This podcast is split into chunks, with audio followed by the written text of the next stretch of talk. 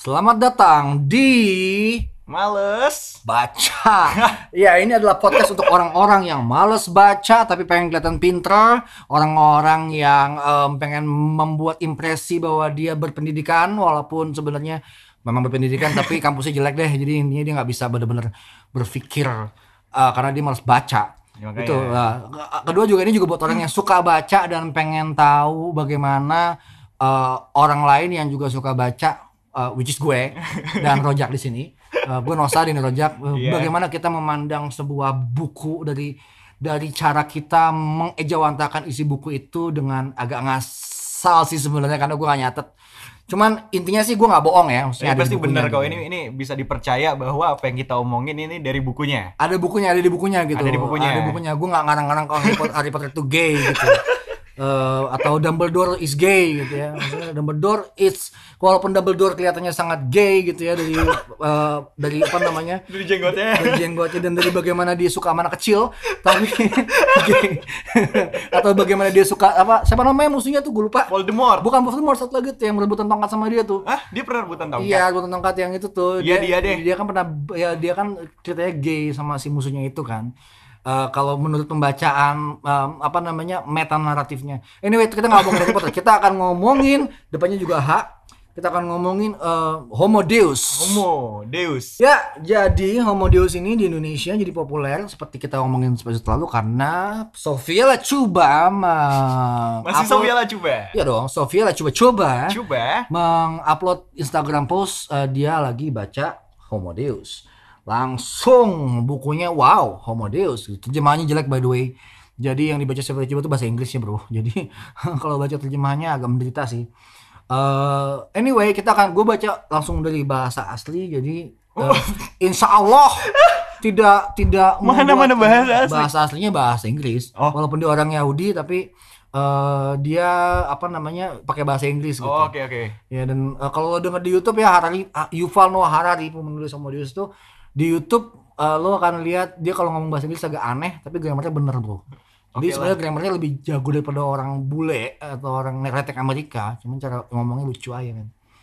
Eh sejarawan ini lucu banget deh pokoknya. Oke, ya kita akan mm, ngomongin soal Homo Deus yang mana artinya homo bukan gay, Manusia. manusia, Eh, manusia kan manusia kemarin kan? betul ma- manusia dan Deus artinya Tuhan. Tuhan, manusia Nah, Tuhan. Tesis utama buku ini adalah dia mau menjelaskan spesies baru yang mungkin akan muncul. Dia selalu menekankan kata-kata seperti this is a probability, ini kemungkinan, and not predictability, bukan ramalan. Hmm, apa Gitu. bedanya emang kemungkinan sama ramal? Kalau kemungkinan eh, dia nggak meramal, Bisa jadi. bisa jadi ada nantinya, bisa jadi juga enggak, tapi dia Nggak. meramal. Iya, nggak ada Kalau predictability kan dia melam, me- eh, melamar lagi, meramal, melamar siapa sebelah coba? dia kan gay lagi. Anyway, kita, kita selalu ini bercanda bercanda. I have many gay friends. Jadi, uh, um, gua tapi uh, joke-joke ini asik sih. Jadi udah lah ya. No offense, man. No Gua gak bakal berusaha politically correct karena itu yang kita bahas hari ini juga gitu. Oh. Political correctness dan bagaimana stucknya manusia dengan semua political correctness, political incorrectness hari ini yang membuat kita menurut Harari di buku Sapiens di bab terakhirnya dibilang itu kita stuck. Kita stuck. Iya, kita start. Jadi kita coba kita refresh dulu ya apa yang dibilang di bab terakhirnya di di buku Sapiens. Dia ada tiga. Ada tiga Ada manusia tadi eh, di buku Sapiens itu. Pertama eh, eh, manusia akan berubah karena eh, cyborg. Mereka gabungan antara mesin Dan manusia. dan manusia dan Dan biologis, biologis. gitu. Sebenarnya kayak kebalik deh. Sebenarnya pertamanya itu cyborg yang kedua ya, tapi intinya gabungan Sama aja lah ya. dan- Iya. Itu ini nggak nggak nggak kronologis nggak masalah. Oke, jadi kayak hari ini kita pakai laptop, kita pakai handphone, kita pakai listrik, semua itu mesin. Uh, orang pakai ring jantung, orang pakai alat Alat bantu bantu dengar, dengar. semua listrik. Uh, orang pakai tangan bionik, kaki bionik, semua mesin. Itu gabungan cyborg dan manusia gitu. Uh, kedua, kemudian kedua genetic engineering gitu, mengubah DNA, mengubah hormon, mengubah cara kita berpikir dan perasaan-perasaan bisa ditimbulkan dengan memakai obat-obatan atau rekayasa DNA kita gitu. Jadi kalau pengen anak lo ganteng tinggal rekayasa genetik lo. Karena lo merasa lo nggak ganteng atau nggak cantik kan, oh rekayasa udah genetik gue supaya cakep gitu. Atau supaya anak gue nurut gitu kan bisa gitu. Eh, yang ketiga adalah full AI, full mesin gitu ya. Jadi nantinya eh, hidup kita dikendalikan sama mesin-mesin atau spesies baru ini akan hadir bukan dari manusia biologis, bukan dari campuran manusia dan mesin, tapi dari pure mesin, Pure mesin. yaitu artificial intelligence, kecerdasan buatan, uh, yang mana dia bisa membuat dan mereplikasi dirinya sendiri berkali-kali uh, dan membuat spesies baru yang bentuknya mungkin bisa jadi kayak robot yang kita bikin humanoid, bisa juga bikin bentuknya lain gitu, bukan seperti manusia sama sekali, karena dia punya bank data yang banyak banget untuk membuat bentuk apa pun yang dia mau. Tapi dari kesimpulannya kayaknya paling paling Tuhan tuh yang mesin deh. Ya itu kita akan ngomongin di Homo Deus. Oke, Siapakah Homo Deus? Seperti apa bentuknya? Apakah kayak mesin gitu Apakah kan? seperti mesin ataukah dia mungkin bentuknya uh, amuba? Kita nggak tahu kan? Satu sel. amuba, iya satu sel. gitu. Kita nggak tahu kan bisa jadi satu sel, bisa jadi satu sel dengan setengah robot. Bayangin segede apa mesinnya. Tapi by the way emang di di di siapa juga diomongin sih tentang beberapa bentuk-bentuk uh, mesin kecil-kecil gitu ya. Nanoteknologi men. Nanoteknologi. Nanoteknologi, prosesor kecil-kecil Oh, gitu, bikin udah- robot lalat atau Ah. menempatkan kamera di dalam lalat untuk melihat sebagai mesin perang untuk mata-mata. Udah ada men, udah ada men, Wow. udah ada. Di itu kayak- tepok, jepret. Iya, itu sebenarnya Sejuta kamera ya, berapa ya? berapa miliar gitu ya. Aduh, hancur-hancuran itu men. Kayak film Ant-Man gitu tuh. Ah, jago lah memang orang-orang yang bikin imajinasi-imajinasi itu cerita-cerita itu. Lo gimana nih? Homo Deus sebenarnya kesim eh, kesimpulan baru baru mau ngomong. Oke. Awalnya nih. awalnya jadi gini em, eh, kita mulai dengan eh, manusia kan di sapiens sudah berkuasa ya kita menguasai seluruh bumi ini dan kita mulai menguasai antariksa juga kan widih, dengan kita bikin roket bikin apa gitu ada Elon Musk Kita bisa cornering di black hole gitu ya. gitu.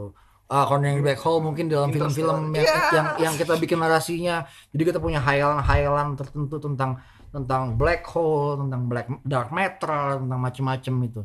Nah, kita ada di masa itu kan. Buku ini juga masih ngebahas sejarah sih bagaimana kita ada di masa itu. Jadi sebenarnya setengah lebih dari buku ini sebenarnya kelanjutan dari Sapiens tapi juga eh, mengulang data yang ada di buku Sapiens. Hmm. Heeh, cuman eh, setengahnya lagi fokus ke Homo Deus-nya. Anyway, tesisnya adalah satu, manusia udah stuck, men. Karena itu kita akan ki- tidak lama lagi kita akan melihat Homo Deus ini dalam bentuk yang kita tidak kira-kira lah.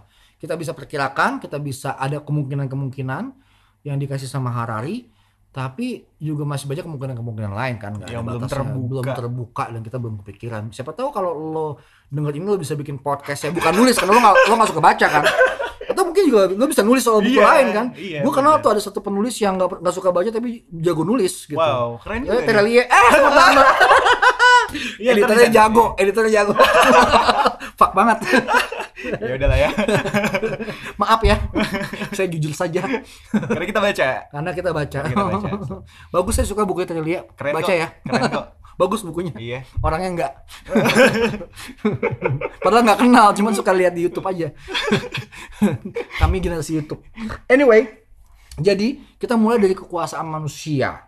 Manusia itu eh, memberikan arti Memberikan arti. kepada dunia ini. Wah, melalui cerita Melalui pasti. cerita. Kayak Sapiens. Iya, kan. Sapiens itu memberikan arti dari the storyteller gitu ya. Mereka memberikan arti ke dunia ini, gitu. eh art- art- karena kalau nggak ada bahasa dan nggak ada naratif, nggak ada arti. Karena arti kan juga bahasa kata itu, Betul, betul. gitu. Jadi tidak ada satupun makhluk yang bisa memberikan arti dan membagi arti itu kepada sesama spesiesnya selain manusia. Gitu, cuma manusia yang bisa memberikan arti itu. Gitu. Ma- maksud- manusia sapiens ya, bukan manusia Neanderthal, bukan manusia Erectus, tapi manusia sapiens, manusia bijaksana itu. Yang bijaksana lah. Heeh, oke. Dan apa namanya? Eh sebenarnya awalnya gimana sih ini manusia bisa bisa kayak begini gitu. Eh kita sekarang berhadapan dengan teknologi-teknologi baru ya, bioengineering lah, nanoteknologi lah, macam-macam itu. Eh apa namanya? Tapi dan, dan dan kita tuh bisa ke sini karena evolusi kita membawa kita ke sini gitu. Evolusi ini random Random. random By chance By aja kayak chance kebetulan aja. aja. kebetulan aja Darwin kita bisa ya. pinter begini gitu fit gitu ya sama sama sama alam kita maka itu ketika nanti jangan lupa ya Neanderthal dan Erectus pernah fit sama alam mereka sampai kita datang Gitu. Sampai kita datang. sampai kita datang sampai kita fit. ada tiba-tiba mereka nggak fit atau kita hancurkan atau kita jadi gabung sama mereka mereka jadi punah semuanya Jadi kemungkinan kalau ada Homo Deus, ada kemungkinan besar Kita punah. kita punah. Dan itulah yang jadi eh, apa namanya eh, tesis utama buku ini bahwa eh, kiamat itu bukan kehancuran alam semesta, tapi kepunahan manusia. Menarik sih. Karena kalau alam kalau kalaupun uh, alam semesta hancur dan kita hancur, sebenarnya alam semesta nggak hancur men, dia jalan terus. Karena sebelum ada kita sudah ada alam semesta. Betul. Sebelum ada kita ada homo-homo yang lain gitu, ya. Habis itu ada kita. Kalau kita udah habis kita nggak ada, jalan terus dunia ini. Nggak pengaruh lah ya. Nggak pengaruh. Kita siapa sih? Kita siapa sih Iya, kita? kita kita ngapain sih? Remah-remah rempeyek, Remah-remah rempeyek yang ada di watak Kebetulan aja ada. kebetulan aja ada gitu kecil-kecil gitu dan eh, yang membedakan ini dengan Homo Deus adalah Homo Deus ini nantinya s- tidak hadir dari kebetulan Wow. Jadi suatu spesies yang hadir karena intensi mereka karena sendiri. desain dan intensi mereka sendiri Wah, itu untuk ada wow. walaupun awalnya dari kita gitu ya kita Iya, iya. menciptakan berbagai macam akibat-akibat yang kita tidak bisa bisa perkirakan akan jadi kayak apa tapi nantinya eh, kita kan sudah bisa berencana ya kita sudah bisa membuat rekayasa-rekayasa genetik gitu ya dari awal misalnya bikin ayam dan kambing jadi ternak dari awal kita membuat anjing jadi piaraan kucing jadi piaraan itu kan karena kita ada tebang pilih Iya. dan kita membuat eh, sesuatu menjadi friendly sama kita. Tapi jangan lupa bahwa tebang pilih itu modalnya dari alam semesta gitu. Sebelum kita sangat random gitu, sangat random. Nah, Oh, itu udah kelihatan tuh intensi oh, kita intensi untuk kita untuk, itu tapi dari sesuatu yang random nantinya eh, kita sekarang sudah membuat sesuatu yang tidak random. Kita rencanakan, kita desain. bahkan sampai ke eksistensi kita sendiri nantinya gitu Iya, ya. Betul. Wow, tesisnya menarik banget. Menarik sekali. Parah Harari. Nah, kalau kita kita ngomongin kita abis itu ngomongin soal modernitas, yaitu sebuah gaya hidup yang modern, gaya hidup yang mana kita melihat apa namanya eh, eh, Alam alam kita olah dan kita bentuk semau kita. itu dimulai dari abad 13 kalau nggak salah. 13 14. Abad 13 14 tuh awal-awalnya mereka merkantilisme malah dari awal eh, dari abad 9, cuman kita ngomong tuh industrialisasi. Industrialisasi. Itu dari abad 19 mulainya. Oh, Tahun jadi 1800-an yang sebelumnya. diomongin ini abad 19. Iya, mulai dari situ kira-kira Oke, gitu oke, ya. Ketika sudah ada industri, itu pasca eh, itu, itu setelah mesin kapitalisme terbentuk dari modal-modal yang dikumpulin sama orang-orang yang dagang ini, Oh, yang gitu. Raja-raja nih Belanda pada kemarin. ah, Belanda kemarin, terus Ah. kerajaan berubah menjadi negara-negara nation state gitu. Terus mereka mulai eh, apa namanya kawin siri dengan para pengusaha-pengusaha tajir. nah mereka mulai mengkoloni atau menjajah negara-negara ketiga kayak Indonesia dan Asia Hmm. Tenggara gitu. Terus Indonesia juga ngikutin bikin bikin negara gitu kan dengan imajinasi-imajinasi ini. Jadi kalau dibilang ini kalau kita ingat sama tesisnya Ben Anderson soal um, imagine communities ya bahwa negara eh, adalah sebuah traktat politik yang hadir karena ada persetujuan imajinasi gitu. Sama seperti agama. Agama juga hadir atas ada persetujuan bahwa oh gue setuju sama Tuhan lo gue masuk agama lo. gue gue gue sama pacar gue juga kayak kalau kita pacaran terus ada persetujuan Ada imajinasi, persetujuan imajinasi gitu. itu bahwa Wow. ya kita, aku cinta padamu gitu. Waduh. padahal cuman kimiawi dalam diri kita sendiri.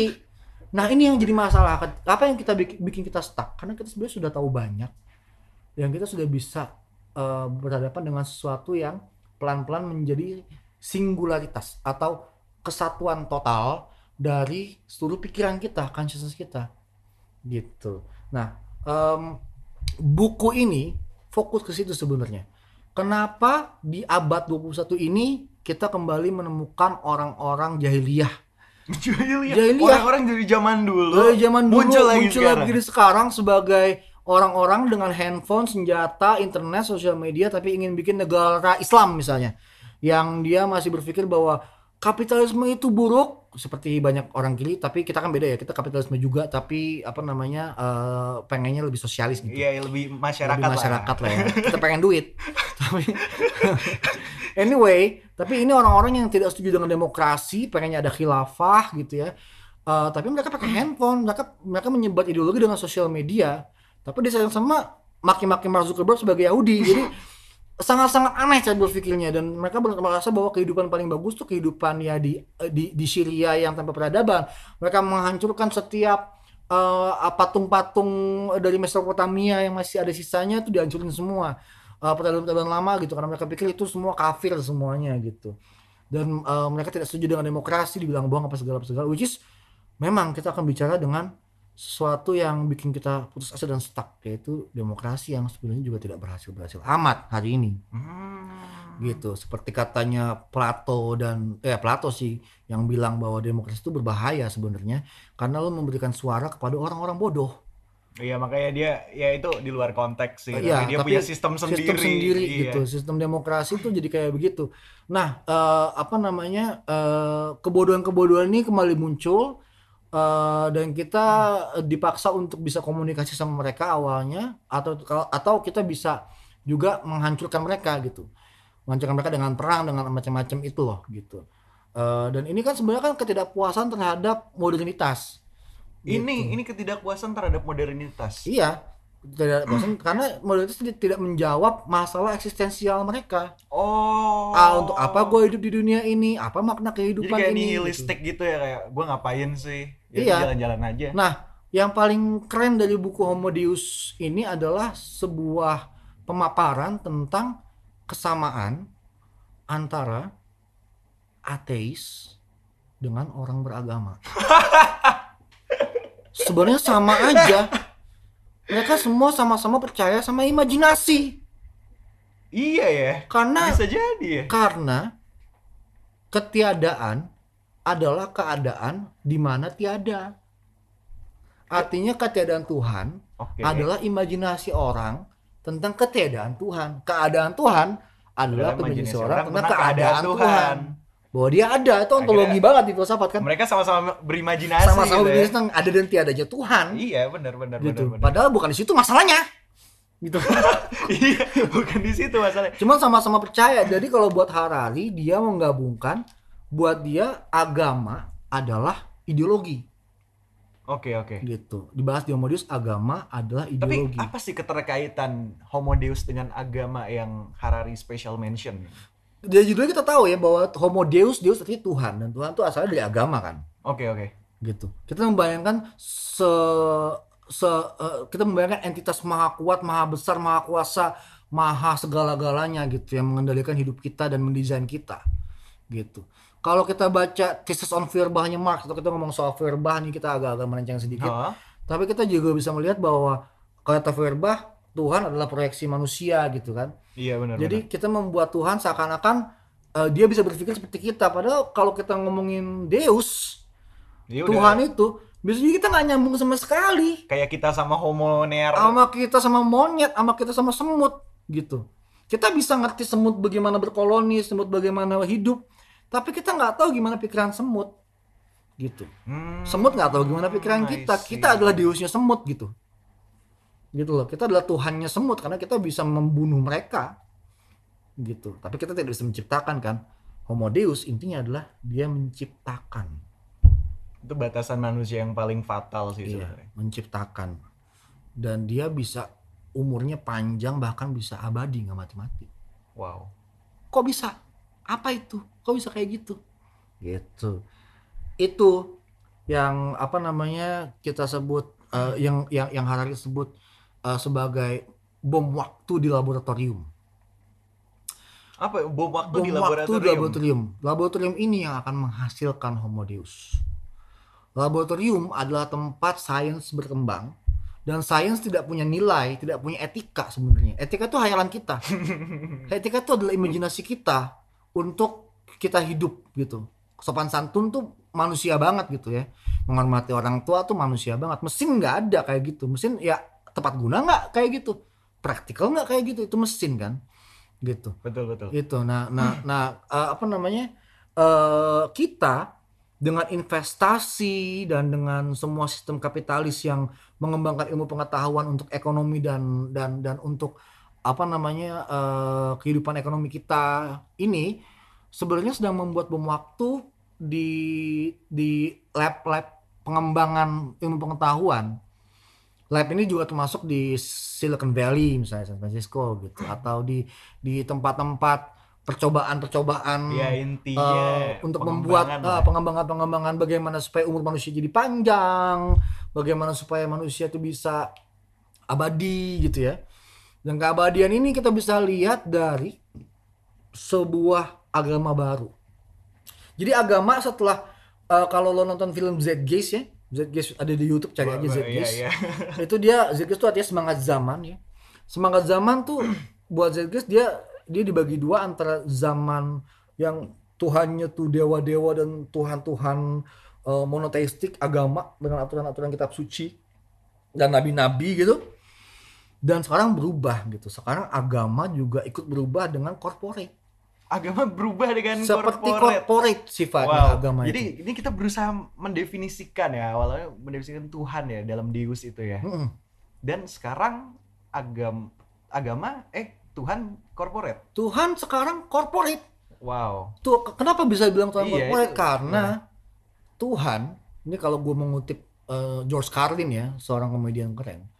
Tuhan itu kalau kamu berdosa, dia akan menghukummu dengan menaruhmu di neraka, dia akan membakar kamu, menusukmu dari pantat sampai mulut Au. gitu. Kamu disiksa habis-habisan karena kamu berdosa, tapi dia cinta padamu. Se Karena dia penuh kasih dan dia juga cinta sama duit. Gitu loh. Kok bisa cinta cinta sama duit? iya kok bisa? Karena Tuhan dikendalikan narasinya oleh institusi agama. Oh. Dan institusi agama butuh duit, duit. Sumbangan-sumbangan dan Tuhan adalah penulis satu-satunya di dunia gitu. Yang paling murah hati untuk nggak minta royalti. Nggak ada orang jualan Quran nyetor royalti ke Tuhan tuh nggak ada. Gitu. Nggak minta royalti dia. Gitu. Akhirnya kan namanya dipakai dipakai terus nih Menguntungkan. menguntungkan Betul. gitu dananya menguntungkan ini gitu di Amerika tuh banyak tuh gereja-gereja yang pendetanya bisa beli pesawat gitu Wow. kan kemarin di Thailand malah ada biksu Buddha yang di- ditangkap karena dia telah membawa kabur anak SMP gitu ya buat dibawa kawin lari dan dia sudah menggelapkan uang jutaan dolar gitu Wow. Wah gila kaya banget dia biksu nih dengan agama gitu. eh gue nggak mau merusak keimanan ya karena gue juga sebenarnya gue juga beragama gitu, gue juga beribadah gitu. Cuman gue ngomongin secara institusi nih gitu bahwa agama sekarang cara berpikirnya tuh seperti corporate, ada untung rugi, ada apa namanya, ada pengaturan uang yang jelas gitu, pemasukan, pengeluaran gitu. Eh, dengan berbagai macam ajangnya ya gitu ya. Kayak misalnya kalau kita ngomongin let's say mafia Italia di Amerika tuh dekat sama gereja misalnya kayak, wah gereja. Eh, Don Corleone membaptis anaknya secara Katolik gitu ya. Terus dia dibunuh orang malam-malam ya gitu kan jadi kedekatan antara mafia dan eh, dan gereja dan agama dan kekuasaan tuh selalu dekat kan kalau kita ngomongin agama Katolik dia hadir ketika eh, kerajaan Romawi kehilangan kekuasaan ketika ada narasi baru Katolik yang Tuhannya bilang bahwa oh semua manusia itu sama gitu. Terus semua manusia sama, tiba-tiba budak-budak dan orang-orang Yahudi pada berontak gitu ya. Mereka berpikir mana nih, apalagi ketika mereka membunuh Yesus Kristus, makin banyak yang berontak kan. Wah, ini bahaya nih. Akhirnya bagaimana caranya ya digandeng agamanya. Rajanya pindah agama. gitu. Dan dibuatlah Katolik Roma, dibuatlah Oh, Bizantium begitu. dengan itu subjek-subjeknya tetap jadi kerajaan Romawi masih punya cerita eh, diambil tuh ceritanya 25 Desember tuh kelahirannya dewi, de- de- dewa matahari sebenarnya bukan kelahiran Yesus. Kita nggak tahu Yesus tahun, tahun kapan gitu. Cuman dipakai gitu untuk untuk membenarkan kekuasaan gereja. Bizantium Barat Timur nantinya kepecah gitu ya. Terus ya ada yang jadi Katolik eh, Roma di Vatikan misalnya. Itu kan juga karena itu semua. Cerita yang kita pakai gitu untuk tetap berkuasa dan mengendalikan orang-orang. Dan berkuasalah narasi itu Nah kan. itu berkuasa gitu. Habis itu kan gereja ngeluarin indulgensia lah tuh surat pengampunan dosa. Jadi kalau kemarin ada kasus tuh yang ada sa- apa Oh, namanya iya. eh, pemuka agama siapa sih tuh yang jual Lupa. tiket masuk surga. Iya. Nah itu cara lama main gereja udah duluan. Gereja duluan di abad 16 tuh gereja duluan karena itu Martin Luther menempelkan 99 dalil di gereja dan membuat agama Protestan karena dia protes sama gereja. protes Sama dengan- narasi itu. sama narasi indulgensia itu bahwa cuma orang kaya yang bisa masuk surga gitu. Muncul narasi saingan kan. Muncul narasi saingan lagi ada pecah-pecah lagi. Eh, anyway ya kita bisa lihat bahwa agama dan kap- kapitalisme dan korporat itu benar-benar sebenarnya apa namanya um, um, Saling berhubungan. saling berhubungan terjalin. ya. Sebelumnya dia agama dekat sama kerajaan, sekarang dekat sama apa namanya Corporate. corporate, sistem corporate gitu ya. Dan itu paling laku men, paling laku lo ngomongin agama. Di mana-mana paling laku, nggak cuma di Indonesia gitu. Eh, maki-maki yang soal agama tuh paling laku gitu. Lo bikin video soal Syiah apa di YouTube, bah, buset itu yang maki-maki banyak banget. Gitu kan. Lo bikin soal santri, buset Livi Zeng, Livi Zeng. Livi Zeng. Gitu. Laku banget men agama nih. Sebenarnya lakunya agama ini ada hubungannya gak sih yang menurut Harari dengan stucknya manusia sekarang? eh stucknya gini, lakunya agama ini membuat agama sebenarnya ideologi yang juga sudah kuno. Agama ada agama baru sekarang, Tuhannya ideologi baru yang sekarang kita sembah, gitu. Dan kita sembah setiap hari kita sembah dengan ibadah yang eh, ritual yang apa namanya membuat kita tetap bisa hidup sehari-hari. Tuhannya namanya modal, Modal. duit, capital. Tuhan ini dan, dan lembaran-lembaran uang yang berpindah dari kertas menjadi data di internet dan di di di, di apa di bursa saham gitu ya. Naik turunnya modal ini menentukan mati apa enggaknya kita besok sebenarnya. gitu. Wow. Gitu. Orang bisa tiba-tiba pengangguran ketika dia misalnya sahamnya jatuh gitu industrinya jeblok gitu ya. Kayak Bisa-bisa kasus pengangguran. baru-baru ini, stasiun TV lah. stasiun TV lah misalnya Iya. ya atau misalnya ketakutan-ketakutan kayak kenapa banyak eh, pengusaha-pengusaha minyak yang anti sama global warming karena global warming tuh wacananya menuntut industri dan lab-lab ini untuk membuat energi terbarukan yang bukan bensin. Yang mana? Ntar yang bensin mana? nggak kalau bensin nggak laku banyak orang nggak kerja. Jadi ada tahan-tahan kan semua ini kan ditahan-tahan sampai kita cuma punya waktu 20 tahun. 20 tahun saja kakak. Sam kalau kita nggak berhasil menurunkan emisi 20 tahun lagi kita nggak bisa menghirup udara. Kita bisa pakai alat bantu lagi.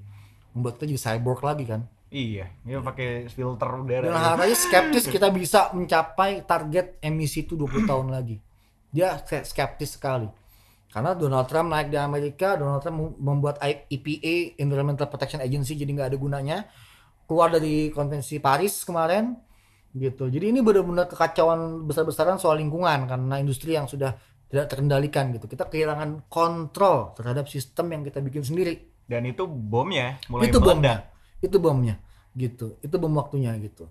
Nah di situlah apa namanya eh, kita berhadapan dengan Tuhan baru tadi kan si duit itu, Modal. si modal. Dan Tuhan baru itu sebentar lagi akan obsolete akan kuno. Akan diganti sama Tuhan yang lebih baru lagi.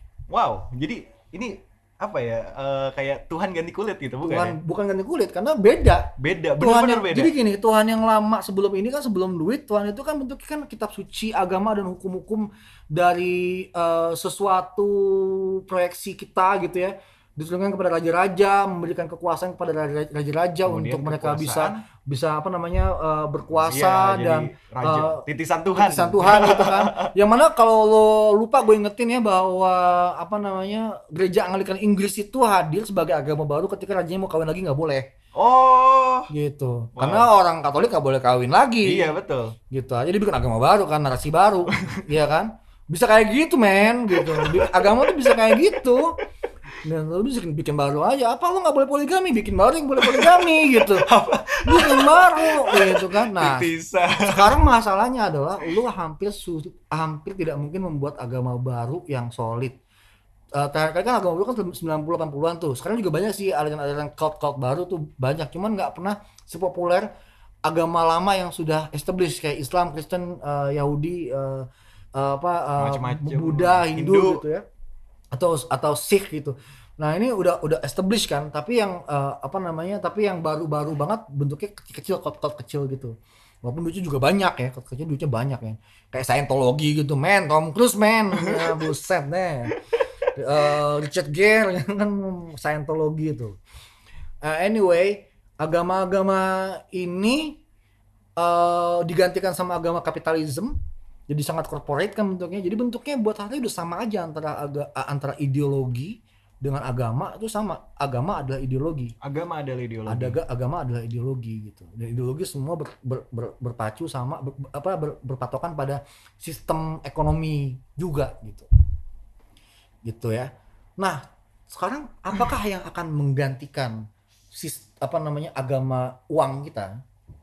Iya, apa kira-kira deh? Ini final gitu gue bayangin. agama yang menggantikan agama uang kita adalah otaknya Homo Deus yaitu agama data. Agama. Itu lagi tren banget gak agama sih? Itu lagi tren semua banget gak sih? duit duit kertas. Nggak awalnya kita pakai emas kan dirham apa segala emas. Diganti sesuatu yang bisa kita bikin berulang kertas.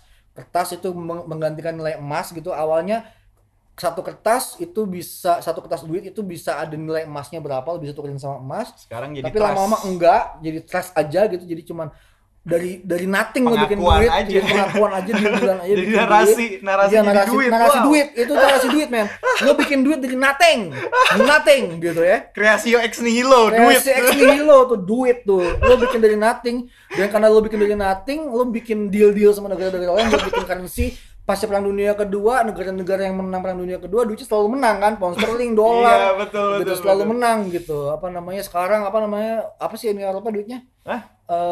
Masih euro ada? euro Oh, euro. ya kan euro gitu itu selalu menang gitu nah tapi makin ke sini uang juga semakin beda caranya Eh, orang mulai menemukan cara lain untuk bertransaksi keuangan dengan bitcoin misalnya gitu. Dengan berbagai macam apa namanya currency currency yang bentuk di internet software software Iya. currency itu. Bitcoin sih. Eh, eh, salah satunya bitcoin kan untuk transaksi Iya, gelap yang nggak kelihatan. populer banget. dan mahal banget men. Satu bitcoin itu 24 Iya, sekarang 24 juta. Hah? 24 juta. Dulu waktu boomingnya sampai 100 jutaan Yoi, gitu kayak orang tiba-tiba kaya. tiba-tiba kayak punya punya mining bitcoin kan. Itu juga pakai mining kan dibikin Iya, mining juga. gitu. Eh, effortnya. Nah bitcoin juga di Indonesia berubah modelnya sekarang Oh, dengan gitu. iya sekarang kita malah pakai GoPay, OVO apa segala itu kan bitcoin kita beli currency-nya OVO Iya, kita kita nggak nggak punya duit. nggak punya duitnya gitu duitnya nggak ada di situ Ada angkanya doang tuh kayak 24 ribu. Heeh. dan itu membuat kalau mati lampu kita mati kemarin gue waktu syuting mati lampu ya kebetulan ada salah satu uh, dosen di tempat gue kerja di Mondi Blanc itu namanya George Timothy dia dia nggak bawa duit men. Kayak dia sangat percaya sama sistem cashless society itu. Semua di handphone semua di ATM semua di kartu. Bubar dia. begitu mati lampu an- si George yang ganteng dan kaya ini ngomong ke gue minjem duit bro. Gue pernah dia minjem sama gue sama gue kecuali ketika mati lampu. Itulah betapa seremnya ketika kita mati lampu Dan dan kita George cashless. ini gak ya? ya nonton lah kita ngomongin aja. Kita, Oh, kita iya. kasih tag aja. George Timothy ganteng gitu. love you bro Salam ya. anyway eh jadi big data itu bukan cuma duit tapi semua hal yang pernah kita pikirkan semua identitas kita itu semua algoritma yang yang yang yang menentukan Wow. jadi seperti di Sapiens eh, ketika dia ngomong bahwa kita kualat sama binatang ternak karena kita jadi kayak ternak sekarang Iya, gitu ya diatur semua sistem. sama sistemnya nah sekarang yang dari kita data gitu. Data itu pasti objektif. Gitu. Data itu kita percaya. Gitu. Kalau ada manipulasi data kita bisa bandingkan kita bisa cross check ada algoritma lain yang bisa membandingkan itu mengcross check itu gitu. Dan kita juga bisa membuat apa ya berbagai macam manipulasi manipulasi kayak apa sih namanya itu yang eh bisa jadi di, di masa depan aktor jadi nggak ada karena kita nggak butuh lagi CG aktor ada gitu. CG gitu Siapa aja main jadi Iya, Obama semua misalnya. jadi Obama apa segala bisa gitu kan Eh, terus juga banyak kita memang masih manusia akan masih bisa sih untuk untuk jadi seniman jadi apa gitu cuman semua lini kehidupan kita dikendalikan sama data sistem ini gitu yang nantinya akan membuat sebu se- se- suatu spesies baru tadi spesies yang kemungkinan akan jadi cyborg akan jadi apa namanya eh, genetical engineering yang beda sama kita atau akan jadi pure mesin gitu mesin murni itu nah eh, data religion inilah yang jadi kesimpulan utama dari Homo Deus Data religion. data religion agama data ini bahwa sekarang kita yang kita sembah itu data Wow. bukan lagi duit, bukan lagi kapital atau modal, tidak seperti orang modern gitu. Dan ini adalah bom waktu di lab tadi yang yang memang menunggu untuk meledak. gitu dan kita tahan-tahan Ini sebenarnya gue bayanginnya masih abstrak deh.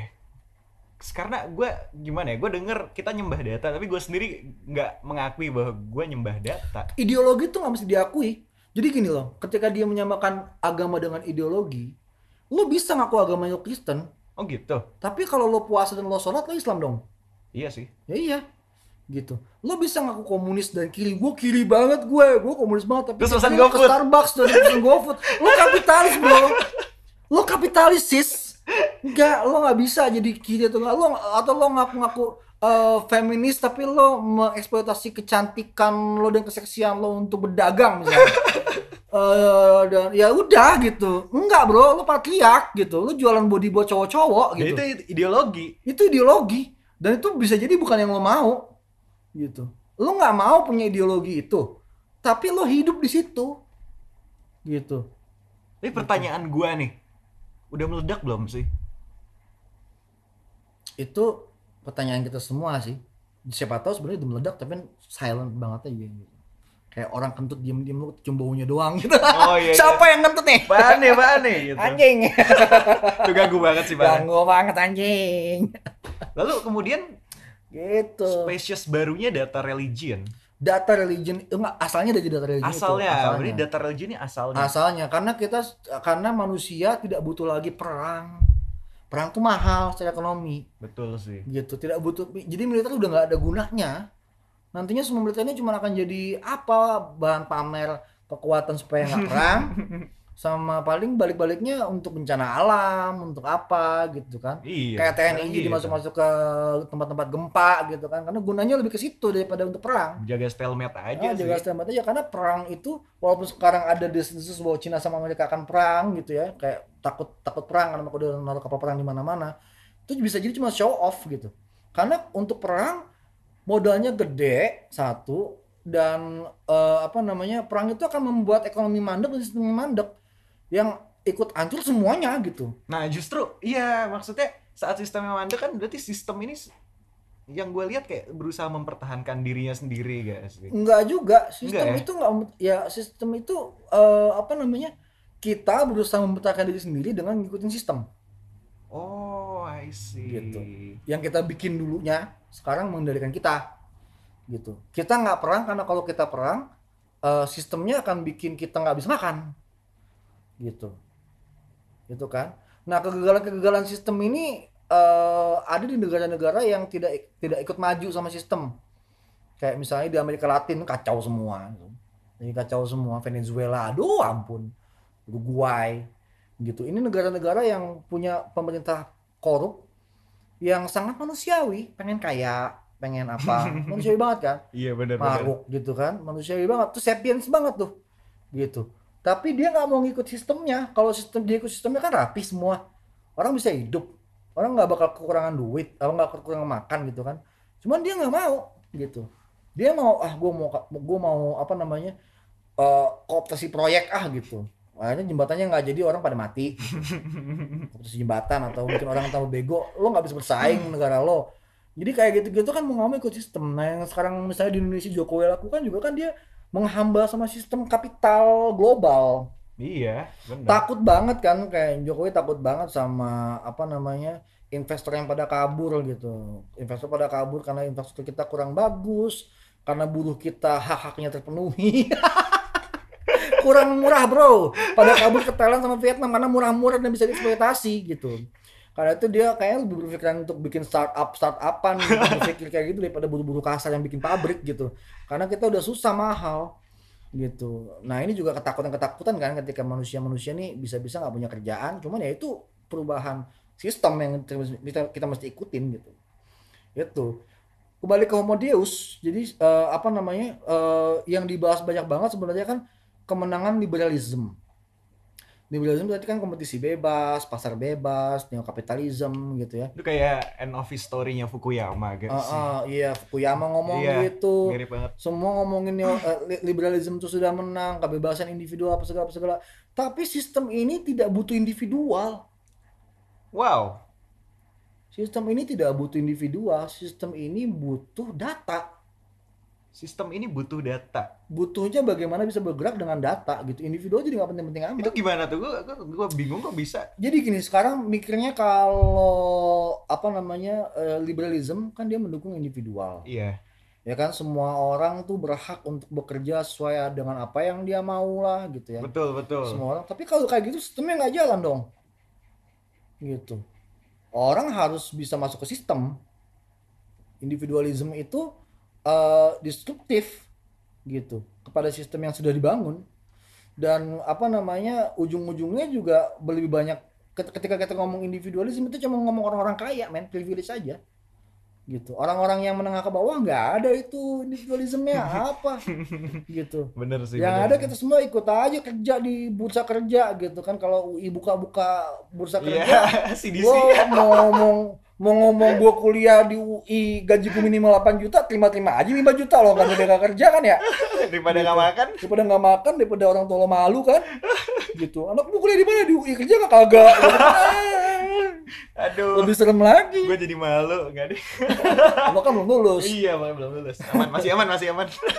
anyway eh, apa namanya em, kita ke- apa kita eh, menuhankan data kita menuhankan eh, kita percaya sama hitung-hitungan algoritma algoritma tuh apa sih kayak dengernya susah banget sebenarnya algoritma tuh sesimpel kalau nanya orang bang eh, misi bang saya mau sholat maghrib di mana ya masjid bang oh lo lurus lo ke kanan terus lo ke kiri dia di situ tuh Nah, itu kiri. algoritma tuh. Itu algoritma satu. Algoritma kedua, lo ke kiri, lo ke kiri, terus lo ke kanan, ke kanan lagi, terus ke kiri kanan lagi.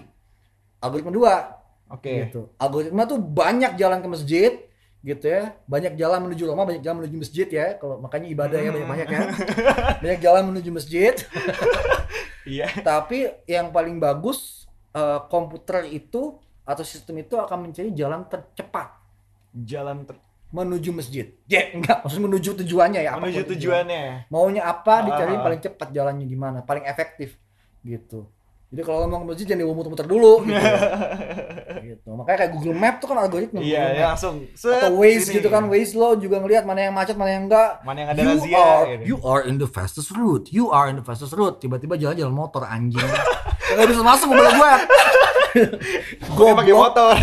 kayak pakai motor Pokoknya pakai motor. udah jalan motor tutup lagi ditutup tiba-tiba kan fuck ditutup jalanannya ada yang kawin ada yang kawin di jalanan ditutup gitu itu juga masalah sistem disruptif tuh sebenarnya Kawin jalanan. kawin di jalanan gitu kayak kawin orang di kamar lah kan di jalanan kan malu boleh, boleh, boleh, boleh, boleh. Siap boy. Aduh. Kebalik kan kan. malu di jalanan kawin buset emang lo kucing Ya, jadi itu mendisrupsi sistem. sistem. Nah, lama-lama nih kita lagi di masa di mana semua harus sesuai dengan sistemnya. Tapi ada perlawanan-perlawanan. Kayak orang gitu. kawin di jalan. Orang kawin di jalan tuh perlawanan terhadap sistem. Oh. Gitu. Atau orang Papua yang nikah terus 100 ribuan dijadiin hiasan rambut misalnya. Itu perlawanan terhadap sistem. ya, Iya, iya. pemaknaannya beda gitu. Parah sih. Pemaknaannya beda gitu. Which is itu keren, man. Itu anarko banget nggak sih? Iya, Anjing, gue bilang gokil. Wow. Wow, lo pakai duit cepet 100 ribuan buat hiasan rambut kan lo pikir kenapa orang-orang Jawa ini suka sama duit? Oh mungkin duit itu hiasan. Ih, orang-orang di biak lo baca di bukunya The Daniel Clifford tuh. Anyway, itu kan disruptive system ya. Tapi sistem ini memaksa semua orang untuk ikut. Gitu.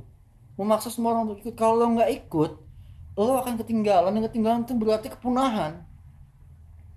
Inilah cara bagaimana memunah, memu- memusnahkan spesies atau genosida massal dengan sistem. Cerita-cerita manusia itu lebih menyeramkan daripada kekerasan fisik. Dengan kekerasan fisik lo bisa bunuh satu orang. Dengan undang-undang lo bisa bunuh orang jutaan. Genosida tuh kan undang-undang. Cerita soal PKI membunuh jutaan orang gitu. Cerita soal bagaimana mereka anti Tuhan nyanyi gengger-gengger dari jenderal narasi-narasi yang membunuh jutaan orang jadi, cerita, itu tentang- menyeramkan gitu bisa sekuat itu cerita Oh. Gitu. cerita soal hukum bisa membuat satu kampung hilang semua misalnya ada se- ada satu orang pengusaha kaya yang memenangkan hak wilayah tanah di sebuah kampung, dia bisa mengubah sebuah kampung menjadi apa? Menjadi perkebunan sawit misalnya. Habis tuh hak orang hanya dengan cerita. Gitu. Iya kebayang gue. Iya, ta- nah kita juga tapi mesti melihat faktanya ya bahwa faktanya sistem ini juga membuat misalnya sis- sistem kesehatan jadi baik, ya kan? Angka kematian bayi turun drastis Atau ada cerita 60-an. ini yang apa Gitu. gunung dibikin angker akhirnya nggak jadi dihancurin tuh hutan-hutan Oh itu. itu juga ada, cerita yang kayak gitu itu kan perlawanan juga kan, perlawanan terputus juga kan. Tapi apakah perlawanan itu bisa selamanya? Gitu. Ketika kita misalnya sekolah-sekolah di Indonesia punya kurikulum yang sangat modern, gitu. Anak-anak akan diajarkan bahwa tidak ada itu yang seperti itu. Gitu. Iya, hilang ntar nggak Hilang. nggak percaya. Tapi lagi. emang kenapa kalau hilang? Ya udah. Kalau untuk buku ini ya, gua ngomong Oh iya. hilang ya udah lu mati semua matilah kalau semua hilanglah kita semua jadi jadi spesies lama yang sudah akan punah gitu karena kita sudah di masa di mana sistem ini begitu mengguritanya dan begitu eh, apa namanya eh, begitu menguntungkannya buat kita sampai kita mau nggak mau harus ikut. Ikut atau mati. Digerus sama roda-rodanya. Gitu. Gitu. Tapi sistem ini juga berpikir tentang ini ya tentang alam ya kan dia sustainable juga kan. Kalau misalnya eh, kalau datanya bilang bahwa 20 tahun lagi kalau emisi tidak turun kita semua nggak bisa napas dan seandainya kita berhasil membuat emisi turun gitu. Itu karena karena apa? Karena data karena hanya data yang bisa menyelamatkan kita hari ini kalau kita sudah tidak percaya sama data dan dan dan, dan faktanya kita mati semua gitu. Tapi kalaupun kita percaya dengan data dan faktanya, mungkin kita bisa masih hidup dan ketemu sama Homo Deus yang akan menggantikan kita. Mungkin, tapi kalau kita nggak bisa hidup, ya udah, dia jalan terus. Kiamat buat manusia, gitu. Kemenangan buat spesies baru. Gitu. Gua masih nggak nangkep nih. Coba, Homo Deus tuh muncul dari mana sih? tadi tiga tadi kan, Oke, sekarang gua nangkep. tiga tadi kan, gitu. Dari tiga kemungkinan Ya, tiga tadi. kemungkinan tiga kemungkinan tadi dari dari, dari, dari genetic engineering, dari cyborg sama dari eh, apa pure machine gitu. Ada ada ketiga kemungkinan itu. Bisa juga digabung loh tiga-tiganya. Bisa juga digabung, bisa juga yang lain juga. Bisa juga yang lain juga. Cuman eh, tiga itu paling mungkin dan itu membuat bukunya Harari ini sangat sangat populer karena eh, di, di luar semua itu ya.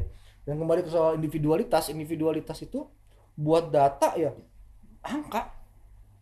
Lo nggak pernah dipandang sebagai individu kok dalam data. Jadi gua nggak pernah unik gitu kayak gua manusia, ya udah Lo manusia aja udah. satu. Lo orang Indonesia laki-laki, lo di- diidentifikasi lewat algoritma. Lo nggak unik. Gitu. Lo cuma satu sekrup di data yang besar sekali gitu. Gitu. Itu yang membuat nggak ada individualitas jadinya. Nggak nggak nggak kerja. Liberalisme tuh cita-cita cita-cita liberal tuh mentok udah. Karena mentok makanya banyak yang stuck di Amerika sekarang ada Donald Trump, di Amerika Latin, di beberapa negara lain tuh banyak yang stuck karena itu. Gitu.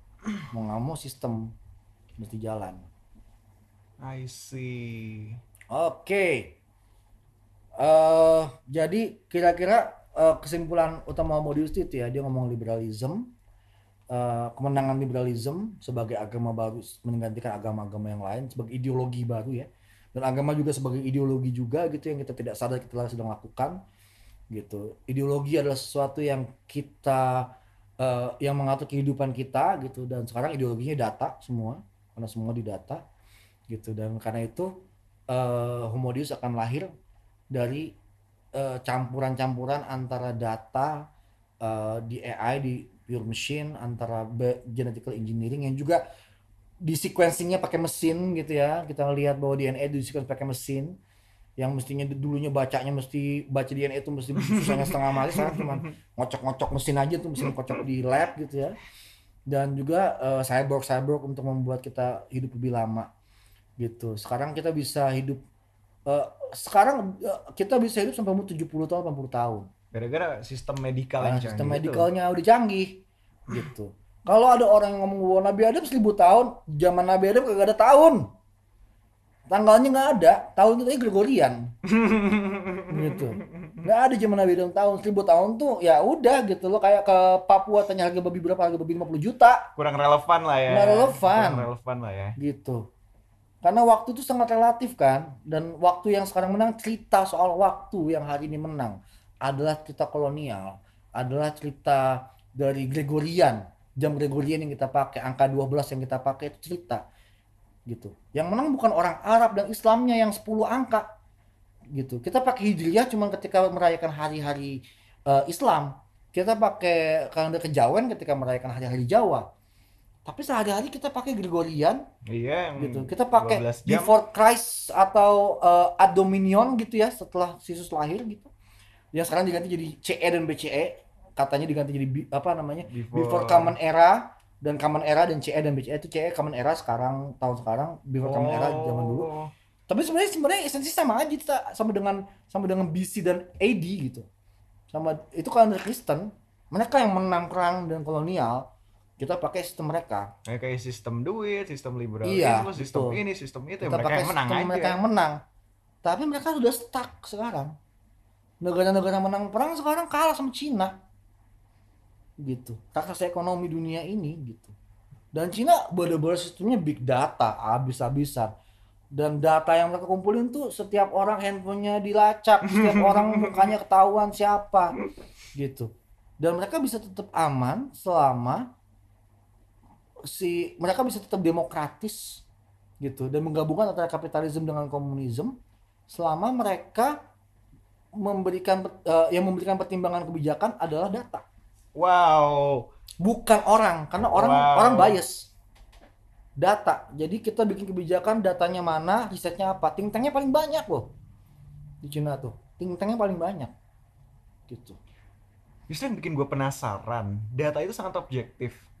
data nggak objek eh eh, data objektif Iya, ya? objektif Data kan? objektif itu Lalu letak intensionalitas Deusnya di mana? Deus, nah jangan lupa ya bahwa kalau kita berpikir bahwa Deus itu adalah proyeksi kita, berarti kan dia adalah makhluk, eh, dia adalah entitas yang bisa menciptakan sesuatu, ya kan? Dan eh, kita bisa ber, kita manusia sapiens adalah spesies satu-satunya bisa berencana kan ke depan. Kita punya rencana-rencana gitu. Nah spesies lain ini Deus ini dia bikin rencana juga pakai algoritma dia ekspansif juga. Iya, gue nggak akan pernah paham spesies ini sih. lo nggak akan paham tapi lo akan eh, lo akan ngerti. Ngerti dalam artian gini ngertinya. Eh, lo bisa ngerti betapa sistem kapitalisme ini menjalar ke mana-mana dan tidak mungkin dikalahkan oleh siapa pun. Gitu. Karena dia bukan manusia dia sebenarnya. Dia adalah kumpulan data dan kumpulan uang. Gitu. Modal. Gitu. Yang tadinya cuma berdasarkan trust sekarang ada basisnya tapi basisnya adalah data. Gitu. Basisnya sekarang data. Kalau kita bongkar-bongkar sampai habis data itu apa? Di kenyataan nggak ada. Gitu. Di kenyataan nggak ada. Ada nggak ke- kemungkinan di mana data ini tiba-tiba hilang semua? Ada aja sih. nggak ada. Oh, bukannya kamu kan? Data gue simpen di hard disk, hard disknya hilang, hilang. ah. Tadinya ada sekarang nggak ada. Kenapa? Karena ada cloud.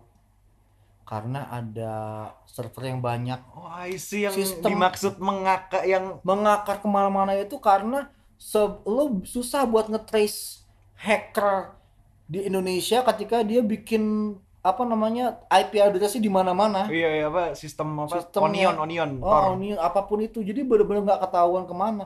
Kalau let's say kita bilang bahwa oh eh, sistem datanya ada di Amerika gitu, tiba-tiba jebol atau atau mati total gitu. Backupnya nyala semua. Backupnya di mana? Di Norwegia, di Rusia, gitu. Sistem torrent, seeding Iya, torrent, torrent. itu, seeding torrent tuh dari komputer rumah kalian kan? Iya bener.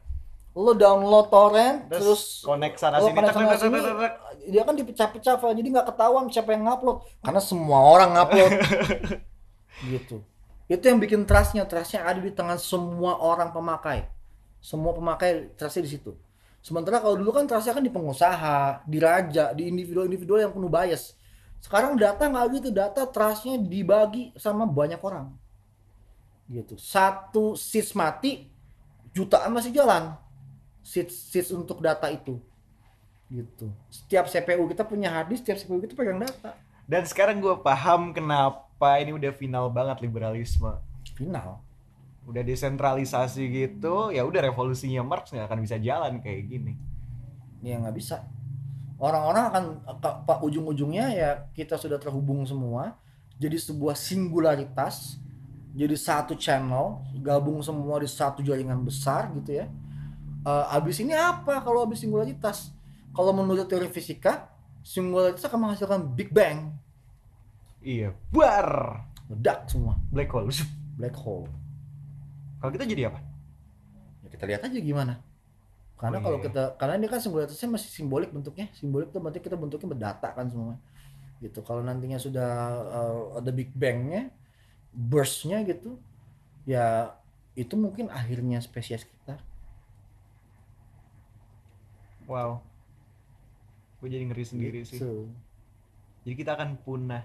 ya sebenarnya kan Harari juga sangat skeptik sama punah sama mati jadi kayak ya udahlah ya semua juga alami ke situ arahnya gitu Iya sih. gitu tapi kita mau survive kan kita mau survive mana buktikan kalau kita bisa survive bisa nggak kita ngurangin emisi aja 10 tahun lagi bisa nggak kita gitu Tuh, jangan pakai mobil, makanya pakai motor. oke itu kira-kira bahasan Homodius untuk episode 2 males baca semoga dengan episode tadi lu bisa mulai ngemeng sama gebetan lu eh dan membuktikan bahwa oh ternyata lo pinter dan gue pengen sama lo ya gitu.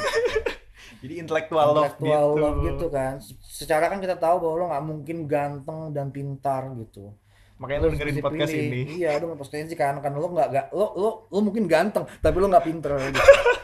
Dan mungkin lo jelek dan nggak pinter itu kasihan banget sih. Makanya Tapi seenggaknya pinter lah. Seenggaknya pinter bro. Kelihatan pinter. Yo, yo, enggak seenggaknya kelihatan pinter men karena kalau lo jelek pinter lo oh, tetap aja apa calon pasangan lo akan lihat oh paling gak ada harapan gitu.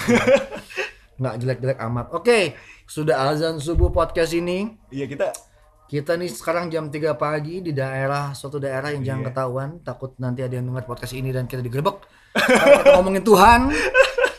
Oke. Eh, kita akan ketemu lagi di minggu depan. em, eh, topiknya masih rahasia. topiknya masih rahasia. Cuman akan spesial sih minggu depan Uh, spesial Eh, kita kemungkinan akan ada bintang tamu kemungkinan akan ada bintang tamu Bintang jatuh. bintang jatuh gitu dan untuk orang-orang yang eh, apa ya jangan deh jangan kasih tau dulu deh soalnya belum pasti sih Iya, makanya Belum bintang pasti. jatuhnya bintang nih dicari dulu dicari nih. dulu deh gitu Ntar kita berharap ya ya semoga lo doain aja ada cewek cakep yang eh, atau cowok ganteng gitu yang bisa ikut ngomong di sini dan bisa membuktikan bahwa oh ternyata bisa ya lo cantik ganteng dan baca gitu ya oh ternyata bisa ya bukan bikin bikin em, lo yang ganteng dan nggak suka baca jadi eh, takut dan mulai baca gitu misalnya Atau mulai dengerin podcast ini. atau mulai dengerin podcast ini Oke, oke. Kelihatan baca.